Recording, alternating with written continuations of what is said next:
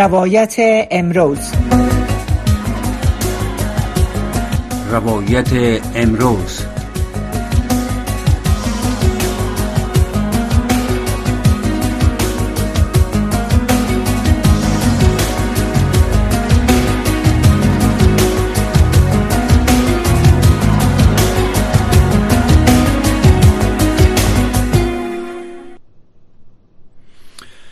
شنوندگان گرامی سلام به برنامه روایت امروز از رادیو آشنا صدای امریکا خوش آمدید. در ادامه حملات اسرائیل در باریکی غزه امروز از کشته شدن ده ها نفر گزارش شده است. به دنبال حمله روز جمعه بر یک پایگاه پلیس در ولایت جنوب شرقی سیستان بلوچستان ایران وزیر خارجه پاکستان در یک تماس تلفنی با همتای ایرانی خود تروریسم را یک خطر مشترک برای هر دو کشور خوانده. و در ادامه نگرانی میان پاکستان و طالبان افغان سرپرست حکومت پاکستان بار دیگر از تصمیم خود مبنی بر اخراج پناهجویان افغان از پاکستان دفاع کرده. از افغانستان تا پاکستان تا ایران و فراتر از آن بخصوص شرق میانه شاهد نارامی ها با شمول بیجا شدن مردم انتحار انفجار و فعالیت چشمگیر گروه های تندرو می باشیم چرا این نارامی ها پایان نمی یابد؟ پیامد این نارامی ها برای مناطق مرکزی و مناطق غربی آسیا چه خواهد بود؟ و مهمتر از همه کشورهایی که نقش بازیگران عمده را ایفا می کنند چی باید کرد؟ در برنامه امشب برنامه روایت امروز البته در مورد همین موضوع بحث خواهیم کرد. در این برنامه آصف مبلغ تحلیلگر امور سیاسی مقیم در ترکیه را با خود داریم تا با پرسش هایی که مطرح کردم جویای پاسخ شویم. آقای مبلغ ممنون که دعوت ما را پذیرفتین و در برنامه حاضر شدید. امیدوار هستم که صدای ما را داشته باشین. با سلام و درود خدمت شما و شنونده های محترم شما و سپاس تشکر از دعوت شما. ممنون. از شرق میانه می‌خوایم که آغاز کنم. موضوعی که شنونده های ما در رادیو همواره این موضوع را با ما یا نظر خود را در این مورد شریک می‌کنن و یا پرسش هایی را در این مورد از ما می‌پرسن تا حدی که می‌تونیم به اونا پاسخ میتیم لیکن بیشتر فکر می‌کنم پاسخ یا سوالات از اونا مربوط میشه به تحلیلگران و مقام ها ولی به هر صورت از از شرق میانه اگر آغاز کنیم شما آینده جنگ فیلی بین اسرائیل و حماس را چگونه می‌بینین؟ به خصوص که شما در نزدیکی در منطقه زندگی می‌کنین. خب مسئله فلسطین یک مسئله بسیار بسیار متاسفانه پیچیده هست. علا رقم واقعیت هایی که وجود دارد در مورد مسئله فلسطین موضع گیره های کشورهای کلان و همچنین قدرت های جهانی تعجب آور هست در خصوص مسئله فلسطین. ما در فلسطین یک تاریخ بسیار غمبار را بعد از 1948 و تأسیس دولت به نام دولت اسرائیل توسط بین گوریون که اولین رئیس جمهور حکومت اسرائیل هم بود.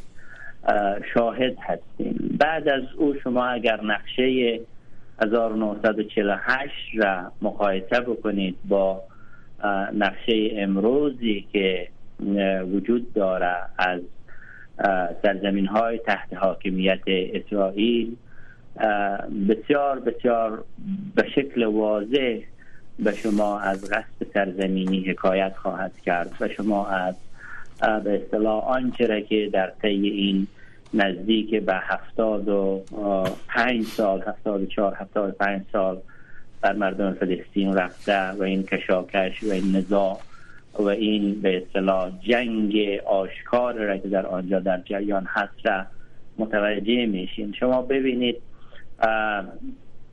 یک سرزمین مربوط به به اصطلاح مردم هست و بعد در آنجا با توافق جهانی و به دلیل ای که در دست انگلستان هست در او زمان بعد از جنگ جهانی دوم فلسطین خاکش تحت استعمار انگلستان هست و کشورهای کلان تصمیم می‌گیره که حکومتی را برای اصلاح یهودیان تشکیل بده و سرزمین را برایشان ترسیم بکنه. در طی این تصمیم گیری با اختیارات را که انگلیسی ها داشتن زمین سازی های را کردن خب این اتفاق افتاد. بعد از او هر تلاشی که صورت گرفت که یک به اصطلاح صلح عادلانه بین ساکنان اصلی این سرزمین مردم فلسطین و مهاجران که از تمام دنیا به نام مهاجران دیاسپورای یهود آورده شدند به اسرائیل و فلسطین و اسرائیل تازه تأسیس. بین اینها یک به اصطلاح صلح مبتنی بر عدالت صورت بگیره. متاسفانه این از طرف حکومت های وقت اسرائیل هیچ کدامشان عملی نشد. حتی صلح را که با میانجیگری آمریکا و با نقشه راه به نام دو کشور دو ملت در یک سرزمین و پیریزی کرده بودند در اسلو در سال 1993 و بعد اسلو دوم در سال 1995 پای ای, ای امضای کسان مثل یاسر عرفات هست. امضای کسان مثل رئیس جمهور وقت اسرائیل وجود داره. آقای کلینتون رئیس جمهور آمریکا بود وجود داره. اما به هیچ کدام از مفاد اینها حکومت های اسرائیل متحد نماندن شهرک سازی ها ادامه پیدا کرد و بعد از او شهرک نشین های مسلحی که شما اگر مستندهای الجزیره را از احوال اوضاع شهرک نشین ها داشته باشید برای تفریح آدم میکشتن یعنی در مناطقی که مثلا فلسطین ها زندگی می‌کنه در هم جوار شهرک نشینی و شهرک سازی صورت گرفته و از آنجا تمام این مردم مسلح هستند و به سمت اطفال فلسطینی ها شلیک میشه اطفالشان رو بوده میشه. به زور به اردوگاه ها و زندان ها تفل های زیر سن برده میشه جوان ها برده میشه. این این بیعدالتی مطلق و آشکار صلح نخواهد آورد. و این معیار دوگانه ای که دنیا و مخصوصا کشورهای کلان هزینه ای که از اعتبار به اصطلاح خودشان می‌کنن و پای رفتارهای خشن اسرائیل این هم قابل ترمیم شدن نیست. امروز چهره جهانی آمریکا و کشورهای غربی بحث مسئله فلسطین قابل ترمیم نیست. دیگر کسی باور نمی کند شعارهای مثل حقوق انسان شعارهای مثل برابری حقوق زن و مرد یا تمام اون کلیشه هایی که دیگه امروز باخند و مفاهیم و لغات توهی از مفاهیم تبدیل شده. و من فکر می‌کنم که این پایان کار نیست بلکه آغاز یک تنازع و منازعه بسیار بسیار خطرناک در منطقه می‌تونه باشه. فلسطینی ها عقب نشینی نخواهد کرد. ما دیدیم. یعنی نهایت آنچه که اسرائیل می‌تونست انجام بده انجام داد. تا توانست تخریب کرد تا توانست از مدارس تا به اصطلاح شفاخانه ها تا مراکز امن سازمان ملل را تخریب کردند و در حدود 19 هزار انسان را در طی این چند ماه قتل عام کردند بیشتر از پنج هزار کودک کشته شد. بیشتر از چندین هزار کهنسال و به اصطلاح زنان کشته شدند و ما هنوز شاهد دستاوردی برای اسرائیل نیستیم. تونل های استراتژی که همه هنوز سر جای خودش هست. بنابراین حرف من این هست که بدون عدالت صلح نیامدنی هست. این در هر جای قابل تطبیق هست. در اسرائیل و در بحث فلسطین از هر جای بیشتر ما نمودش رو می‌بینیم. تشکر شما به ارقام تلفات اشاره کردین. دقیقا نمی رقم است. گزارش ها کیست؟ البته بر اساس معلوماتی که از جانب مقام های صحی در غزه ارائه میشه که حدود 20 هزار نفر که اکثریتشان کودکان و زنان هستند در طول اضافه تر از جنگ دو ماهه تلف شده اند ولی ایالات متحده و اسرائیل میگن که ارقام تایید کردن نمی‌تونه. به هر صورت شما با موضوع طرح دو دولت مستقل یا تشکیل دو دولت مستقل اشاره کردین. ایالات متحده روز گذشته هم بر امی طرح بر که موقف همیشگیش است تاکید کرد. فکر می‌کنین که این طرح در آینده تطبیق شود؟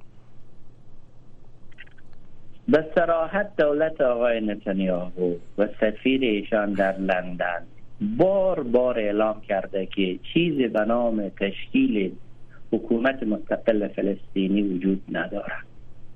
و همچین چیزی اصلا در سناریوی دولت اسرائیل قابل اجرا شدن نیست. حرف ما این هست که چه چیزی می‌تونه اسرائیل را متحد بکنه به پیمان های بین المللی تا حالا هیچ پیمان بین المللی مورد احترام اسرائیل واقع نشده. قدنامه های سازمان ملل مورد احترام واقع نشده. من عرض کردم خدمت شما شیمون پرس به دلیل امضا پای به اصطلاح تشکیل دو دولت مستقل توسط یک یهودی افراطی ترور شد. و به همین شکل آقای یاسر عرفات توسط میهن پرستان فلسطینی متهم به خیانت شد. ما می‌خوایم بگوییم که چه چیزی می‌تونه اسرائیل را وادار به پذیرش حداقل ها بکنه. تا زمانی که این حمایت چشم بسته و گسترده جهانی علا قدرت های کلان نه جهانی قدرت های کلان مثل آمریکا آلمان و جاهای دیگه در تأیید جرایت های اسرائیل وجود داره یقینا خودش را ملزم به رعایت حداقل ها هم نخواهد کرد. من می‌خواهم بگویم که حتی معاهده ای که پای او امضای رئیس جمهور وقت اسرائیل یاسر عرفات و رئیس جمهور وقت آمریکا بوده رعایت نشده و بعد از گذشت بیست چند سال امروز حکومت کنونی اسرائیل میگه که یک همچین چیزی اصلا وجود نداره و نفی کرده. بنابراین من فکر می‌کنم که دیگر نه به تعهدات بین المللی اسرائیل میشه اعتبار کرد و نه هم به اصطلاح شعارهای هم پیمانان اسرائیل کسی از ملتهای منطقه و از ملتهای جهان. شما تظاهرات را در لندن دیدید در آمریکا دیدید در کشورهای غربی دیدید.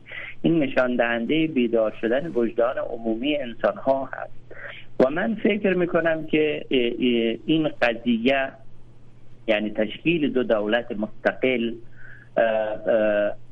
به حدی که پشتوانه اجرایی داشته باشه نداره و عملا از طرف خود اسرائیلی ها این نفع میشه. آمریکایی ها اگر اصرار می‌کنه به چه دلیل و با چه زمانت اجرایی طرف فلسطینی می‌تونه قبول بکنه که این این چه تضمینی برای اجرایش وجود داره ما ورژن مسلحتگرای فلسطینی را داریم در کرانه باختری. آقای قبل از آقای محمود عباس یاسر عرفات بود و بعد از او محمود عباس. چه دستاوردی داشته آقای محمود عباس؟ در کرانه باختری هر روز شهرک نشین های اسرائیلی جوانای فلسطینی را می‌کشند. جوانا و زنان و کودکان رو بوده میشه و برده میشه با به شکل فجی متاسفانه خانه های مردم در کرانه باختری وارد یعنی محل منازعه هم مثل امروز. تحت حاکمیت محمود عباس هست که با اسرائیلی ها روابط خوبی داره و در آنجا هم عین همین مسائل تکرار میشه. بنابراین من فکر می‌کنم در این جهان غیر بالانس در این جهان که متاسفانه تمام دستور العمل ها و تمام قوانین بین المللی دارد نقض میشه توسط اسرائیل ملت های منطقه و, مخصوصا ملت های عرب و ملت فلسطین به این نتیجه رسیده یک راه داره و اون راه هم مقاومت هست. و این این این موضع حماس رو تقویت می‌کنن. شما با خشونت یهودی های شهرک نشین در کرانه غربی یادآور شدین که چیزی که ایالات متحده هم در او رابطه ابراز نگرانی کرده و حتی در برابر کسانی که یعنی امو یهودی هایی که چون این کار را می‌کنن ممنوع ساختشون از اینکه به ایالات متحده وارد شوند. ولی به هر صورت اگر پس بگردیم به غزه غزه که تحت حاکمیت گروه سیاسی نظامی حماس قرار داره. اضافه تر از یک ده هست که حماس در اونجا در کنترل است. ایالات متحده و اسرائیل حتی روز گذشته دفعه آخرش که ما شنیدم بار دیگری را تاکید کردن که غزه پس از جنگ کنونی یک غزه خواهد بود که در اونجا حماس نخواهد بود یعنی هیچ نقش نخواهد داشت ولی حماس به این باور است که چونین یک مفکوره یک تلاش یک خیال واهی خواهد بود شما چی فکر می‌کنین که آیا نقش حماس به صفر تقلیل خواهد یافت؟ خان چیزی را که اسرائیل و آمریکا می‌خواهد خواست امروز و یا دیروزشان نیست. و تعیین این مسئله هم به دست اسرائیل و یا آمریکا نیست. یعنی اینکه بیایه و غزه تحت به اصطلاح زعامت حماس نباشه و یا نقش حماس در آنجا به صفر برسه و یا حماس تماما از بین بره من این را کاملا غیر واقعی و غیر عملی می‌بینم. من فکر می‌کنم این نوع نگاه حذفی مسئله فلسطین را نه تنها حل نخواهد کرد بلکه من پیش بینی می‌کنم که عین وقایع در کرانه باختری هم شروع خواهد شد. امروز بسیار حرف زیبای زد یکی از تحلیلگران الجزیره و اون همین بود که تونل های حماس امروز به کشورهای عربی وصل هست و شما از تعداد کسانی که با اندیشه مقاومت و جهاد وارد غزه میشه اطلاع ندارید. به هزاران جوان از این تونل ها وارد میشن. و امروز ضعف اطلاعاتی و خبرگی حماس و همپیمانانشان در ایجاد یک چنین تونل های مسلم هست. شما چطور می‌تونید با مردم و جوانای در منطقه فقط فلسطینی ها نیستند جوانان در منطقه که تصمیم گرفتن که این دندان به اصطلاح پوسیده به شکل کنده شود. مرگ یک بار و شیون یک بار. شما آن ویدیوی معروف یحیی سنوار را به خاطر دارید که میایم میگن نحن مجانین غزه. ما دیوانگان غزه هستیم. یعنی این بیعدالتی ما را به جنون رسانده. و دیگر پالیسی نمی کنیم با کسی. ما تصمیم خود را گرفتیم و مردم غزه هم تصمیم خود را گرفتن. نه تنها غزه امروز تحرکات زیاد را ما در کرانه باختری هم می‌بینیم. شما جوانان مصر را اگر راحت بگذارید فکر می‌کنید نمیایه به غزه. جوانان عراق نمیایه به غزه. مقتدات صدر شاید به هزاران نفر نیروی تحت کنترل اشتراکی امروز ثبت نام کرده برای ورود به غزه. من فکر می‌کنم این این کوته بینی های کشورهای مثل آمریکا و اسرائیل قضیه تشدید خواهد کرد. موضوع را یک کمک فراتر میریم. جنگی که در غزه اکنون جریان داره این جنگ امور رقمی که شما هم اشاره کردین که جوانان را یا پایشان به داخل غزه کشانده از دیگه کشورها را گروه های نیابتی ایران را برانگیخته. در حزب الله لبنان ما می‌بینیم که حملات را انجام میده و در جنگ است با اسرائیل. به همین ترتیب حوسی های یمن است که حملات تیاره های بدون سرنشین خود را یا وسایلی که پرواز می‌کنن بدون سرنشین است درونز اونا را انجام میتن و با آغاز این جنگ مسیر تردد کشتی های تجارتی در بهیره یا بحیره سرخ نیز ناامن شده و وزیر دفاع ایالات متحده به خاطر تامین امنیت این مسیر روز گذشته از تشکیل یک ماموریت چند ملتی خبر داد. شما خطر گسترش ای جنگ و دخیل شدن دیگر کشورها را تا چه حد می‌بینید؟ یکی خب گروه های نیابتی است. یا افراد است که به شکل انفرادی داخل میشه ولی کشورها؟ ببینید اونچه که واقعیت داره این هست که حزب الله و تا حدود مجموعه هایی که در سوریه هستند از شکل نظامی های ایران و همچنین از نظامیان خود سوری مربوط به آقای بشار هستند حزب الله سوریه عراق. عراق ممکن هست به شکل رسمی امروز بیانیه نده ولی من گفتم اونجا شبه نظامیان هستن که بسیار قدرتمندن از جمله طرفداران مقتدا سعدن خوسی ها دست کم نگیرید. تماما بر تنگه باب المندب مشرف هستند و این که آنجا اینقدر توسعه پیدا کرد قدرت موشکی برای همچنین روز بود. بسیاری از کشتی های استراتژیک تجاری که به روسیه به اسرائیل می رفتن انصراف داده از رفتن به اسرائیل. و این این هزینه ها را تا کی می‌داند دولت آمریکا تقبل بکنه؟ به روز میلیون ها دلار جنگ اسرائیل با غزه برای آمریکایی ها هزینه داشته. به قدر این هزینه سنگین بوده که در آخرین تصمیم سنا هیچ هزینه دیگر نتانستند به جنگ و اختصاص بدن. و دولت بایدن اعلام کرد که این بسته کمکی شاید آخرین بسته کمکی ما به اوکراین باشه ممکن هست که ممکن یعنی به احتمال قریب به 90 درصد جنگ را در اوکراین باختن. شرکای اروپایی و آمریکایی ها هم متزلزل شدن نسبت به به اصطلاح تمام قطع استاد شدن پشت اسرائیل و آمریکا. من فکر نمی کنم که در آن ائتلافی مثلا اسپانیا همین امروز اعلام انصراف کرد از یک چنین ائتلاف کشورهایی که برای تامین امنیت بهیره سرخ می‌خواهد تشکیل شود. من فکر می‌کنم که کسان را که و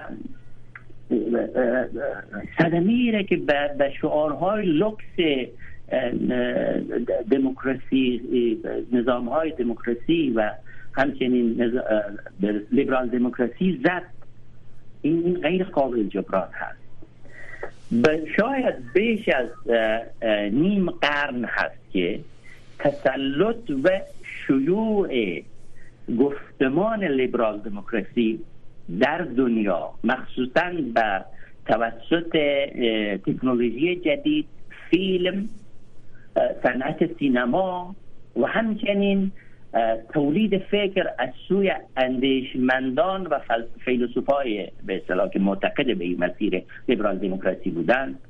بسیار یک فضای مساعد را برای اینا فراهم کرده بود و از طرف بسیار هزینه شده بود پشت این گفتمان.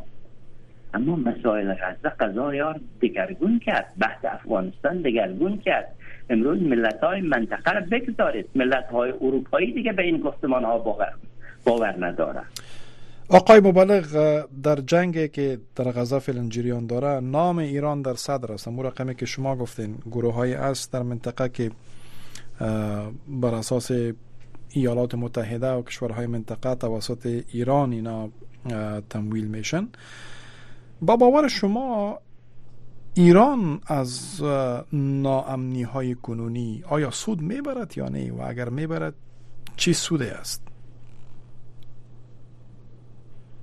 خب ببینید ایران یک یک حکومت هست مخلوط از ایدئولوژی و به اصطلاح سیاست.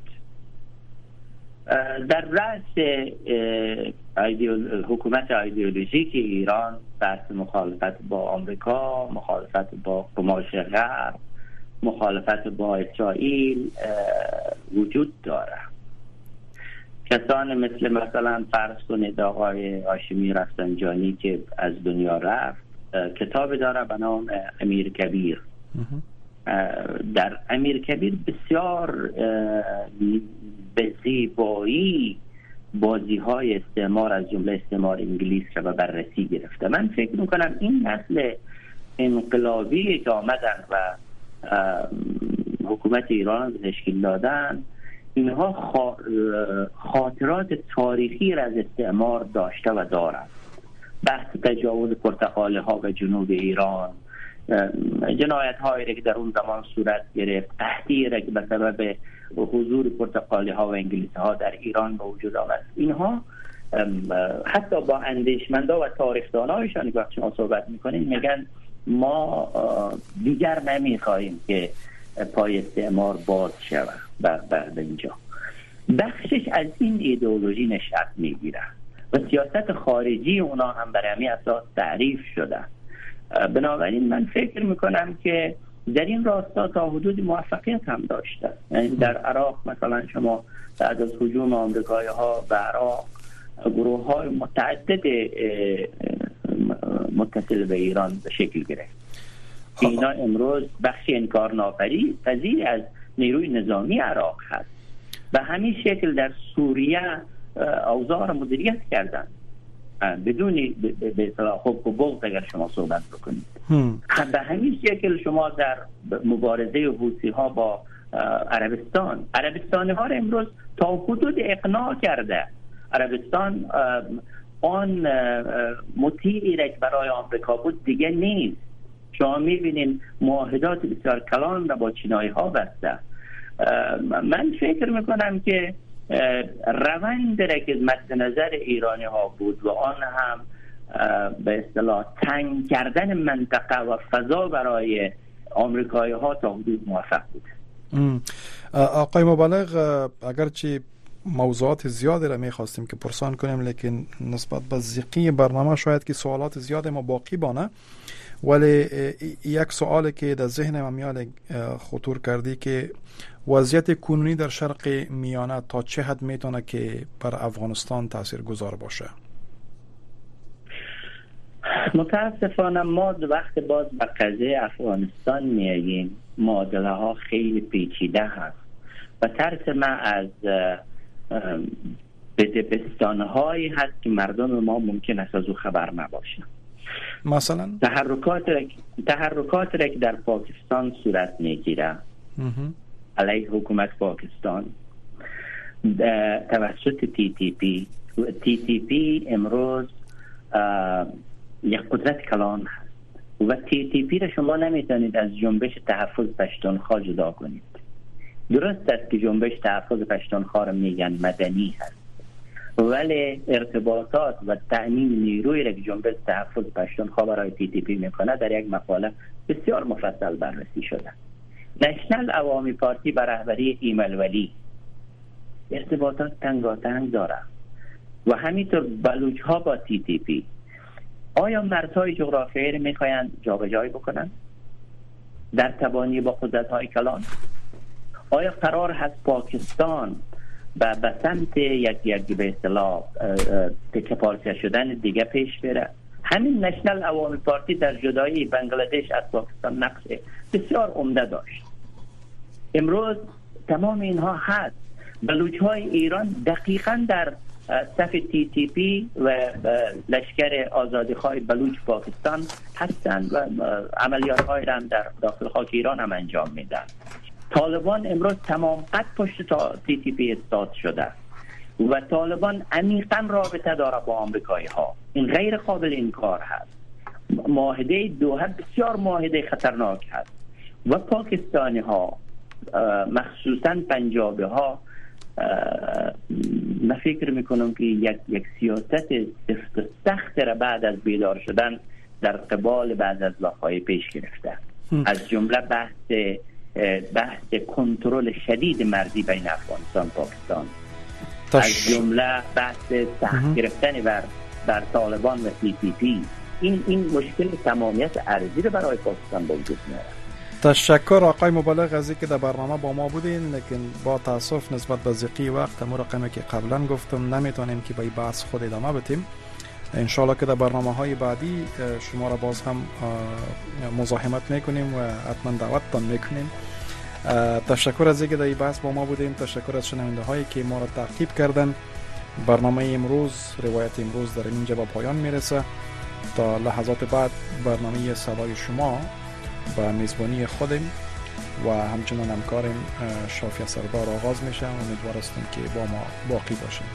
تشکر.